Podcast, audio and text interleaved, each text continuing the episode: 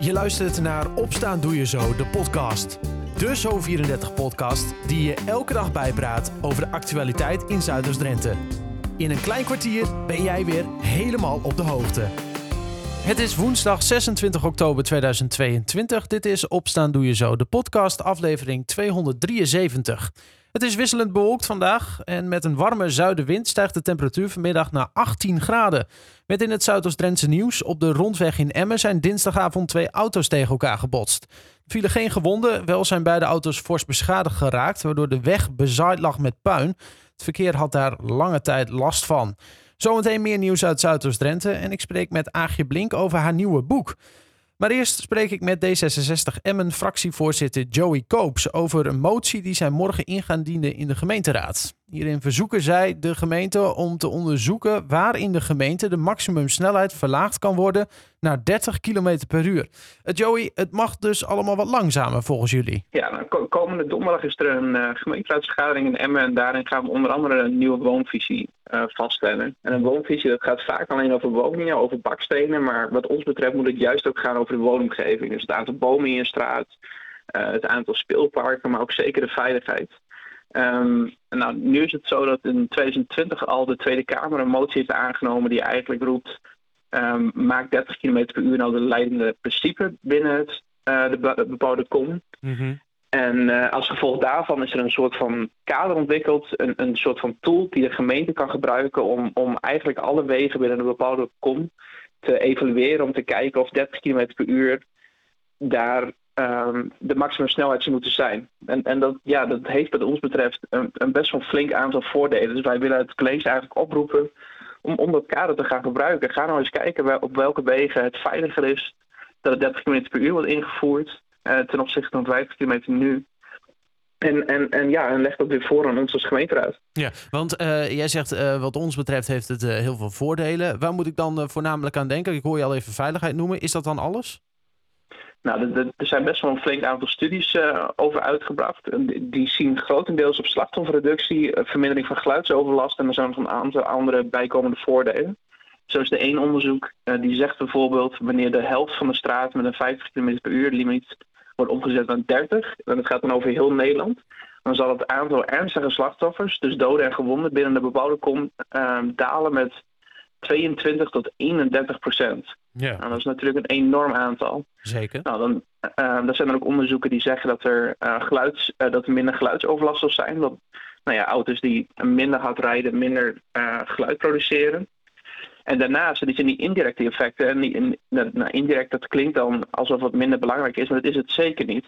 Maar wanneer je die snelheid uh, naar beneden terugbrengt, dan worden mensen ook eerder uitgenodigd om te gaan lopen, eerder uitgenodigd om te gaan fietsen en eerder uitgenodigd om van het OV gebruik te maken. Ja. En ook dat heeft op termijn weer zijn invloed op, op de veiligheid en leefbaarheid van buurten. Ja, want het gaat dan uh, uh, ja, toch net zo snel als het ware. Zeker met een elektrische Zeker. fiets. Ja.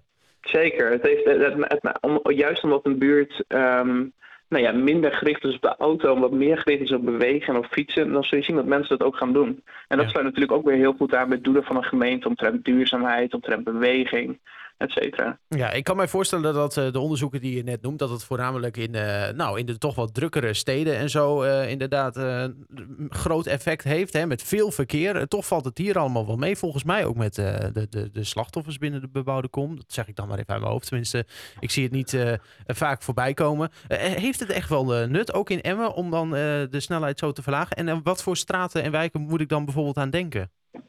Ja, nou gelukkig uh, hoeven we in Emmen niet uh, wakker te liggen dat, dat, dat, dat constant ongelukken gebeuren. Maar het gebeurt Precies. natuurlijk wel. De, denk bijvoorbeeld aan een, uh, aan een straat als Laan van de Marel. Mm -hmm. um, dat heeft een soort van kernweg. Um, en dan heb je een aantal hofjes.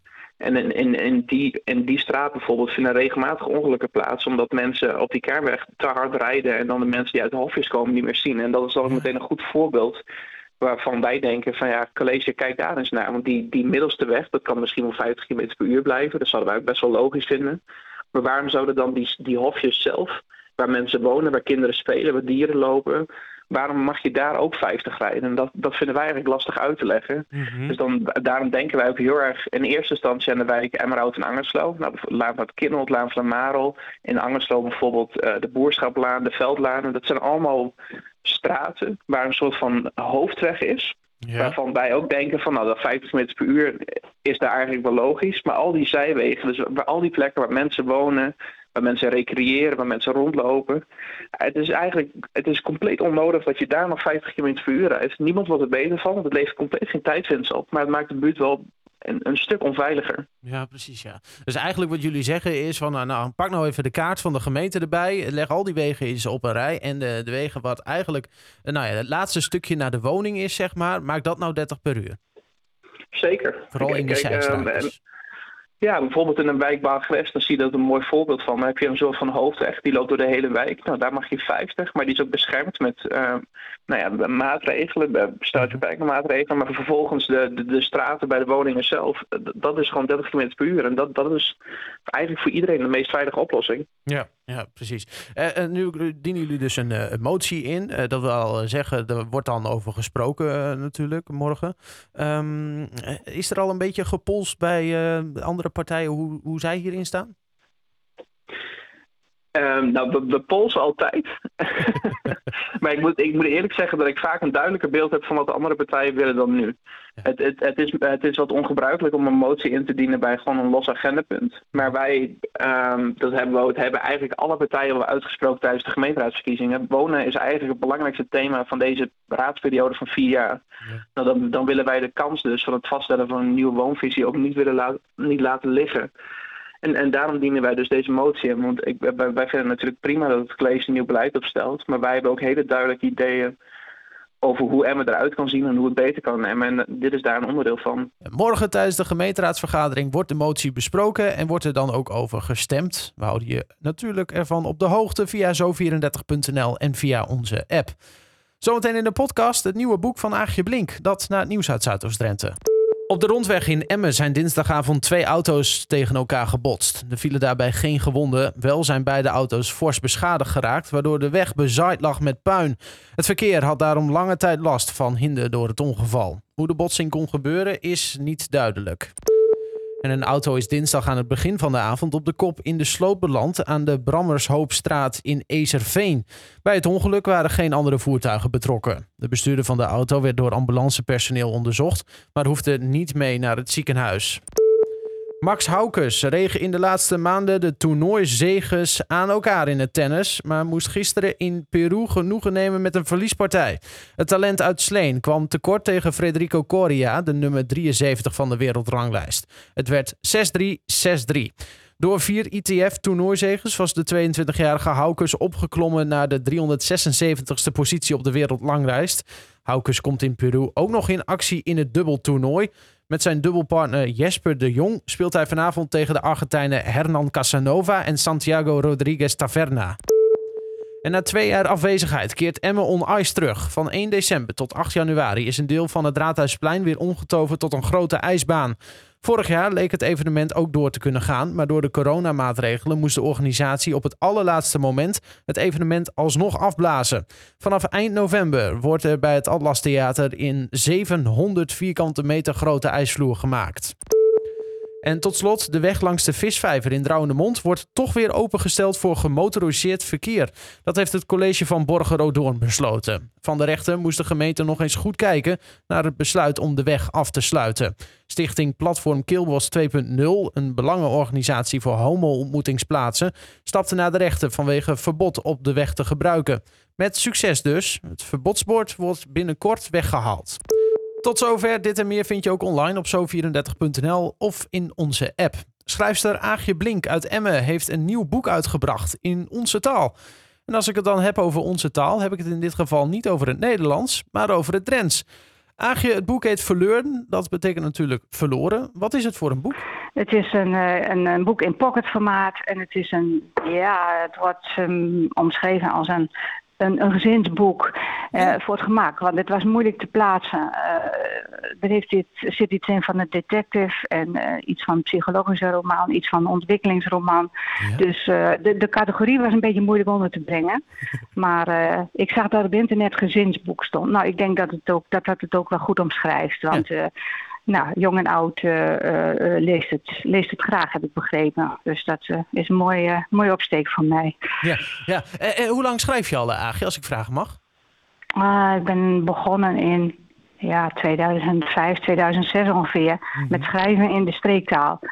En uh, daarvoor ja, schreef ik geen verhalen of zo. Maar ik was al altijd degene die in vergaderingen en dat soort zaken de notulist was, weet je wel. Dus het, uh, ja. pen en papier ging me altijd wel vrij makkelijk af. Maar dat is wel heel iets anders als een verhaal of een gedicht schrijven. Nou ja, dat is, dat is het zeker inderdaad. En, en waarom in de streektaal? Waarom heb je daarvoor gekozen?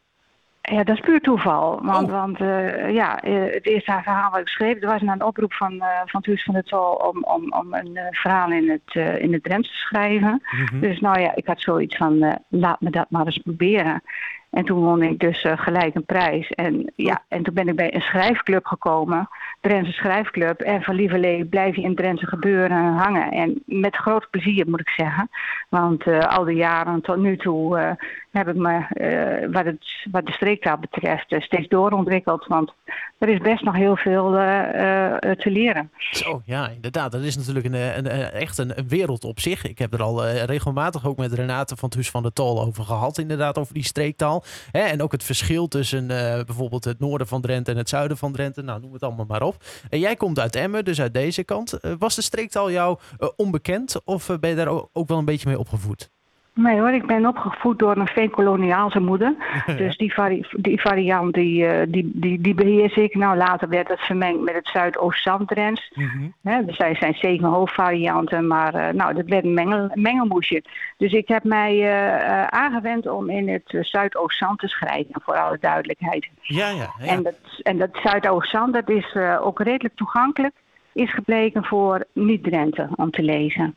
Want dat is een, beetje het, het, makkelijkste Drents, als ik het zo, mag ik het dan zo zeggen? Ja, als je, ja zo mag je het verwoorden. Ja, ja, ja. Hey, ja en, en, het boek dat is dus uh, geschreven helemaal in dat, uh, nou, dat makkelijke Drents, om het dan nog maar zo maar te zeggen.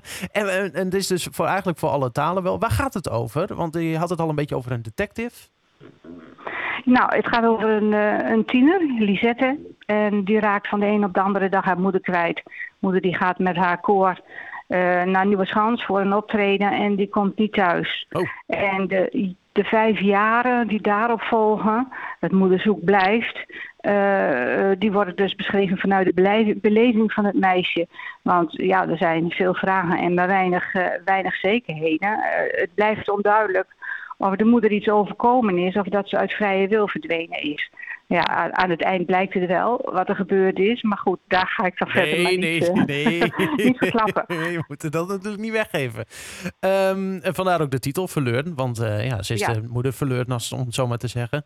Um, uh, is het een, een hele dikke pil? kun je hem zo doorlezen? Of, um... Ja hoor, het leest gemakkelijk en het, is, het, zijn, het zegt het is een pocketformaat en het is uh, 182 bladzijden. Oh, oh, oh, dat is dan weer te doen. En, en het verhaal is ook gebaseerd op, uh, op iets waar gebeurd of is dit gewoon uh, jouw hersenspinsel, zeg maar? Ja, het is puur fictie. Ja, ja, ja.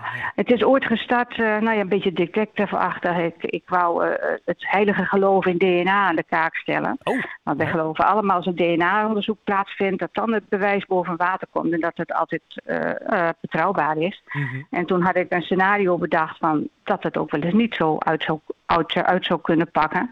En daar is mee gestart. Maar van Lieverlee is het boek een beetje een eigen leven gaan leiden. En is de rode draad eigenlijk de beleving van de tiener. En is DNA daarnaast, komt wel zeilings voor, maar is niet meer de hoofdmoot. Ja, precies. Ja, ik, ik, vind het heel, uh, ik vind het nu al een beetje interessant. Ik denk dat ik uh, stiekem toch maar even een boek ervan ga bestellen. Want ik denk dat het ook wel belangrijk is volgens mij voor inwoners. Maar misschien dat jij dat nog beter kunt zeggen. Lezen in het Drents helpt je ook, denk ik, ontwikkelen in het Drents, toch? Ja, en, en nou ja, het sowieso het lezen in een andere taal, of het nou een buitenlandse taal is of dat dat een streektaal is, uh, dat is heel goed voor, jou, uh, voor jouw brein, zeg maar, en zeker ook voor de jongere mensen. Ja, dat, uh, ja, dat is een bewezen iets. Ja, al dus Agio over haar boek Verleurden. Het boek is op diverse plekken te koop, waaronder in de webshop van het Huis van de Tol en bij diverse boekhandelaren in de regio van onder meer Emmen. Nou, tot zover opstaan doe je zo de podcast van woensdag 26 oktober 2022. Ik wens je een fijne dag en graag tot morgen.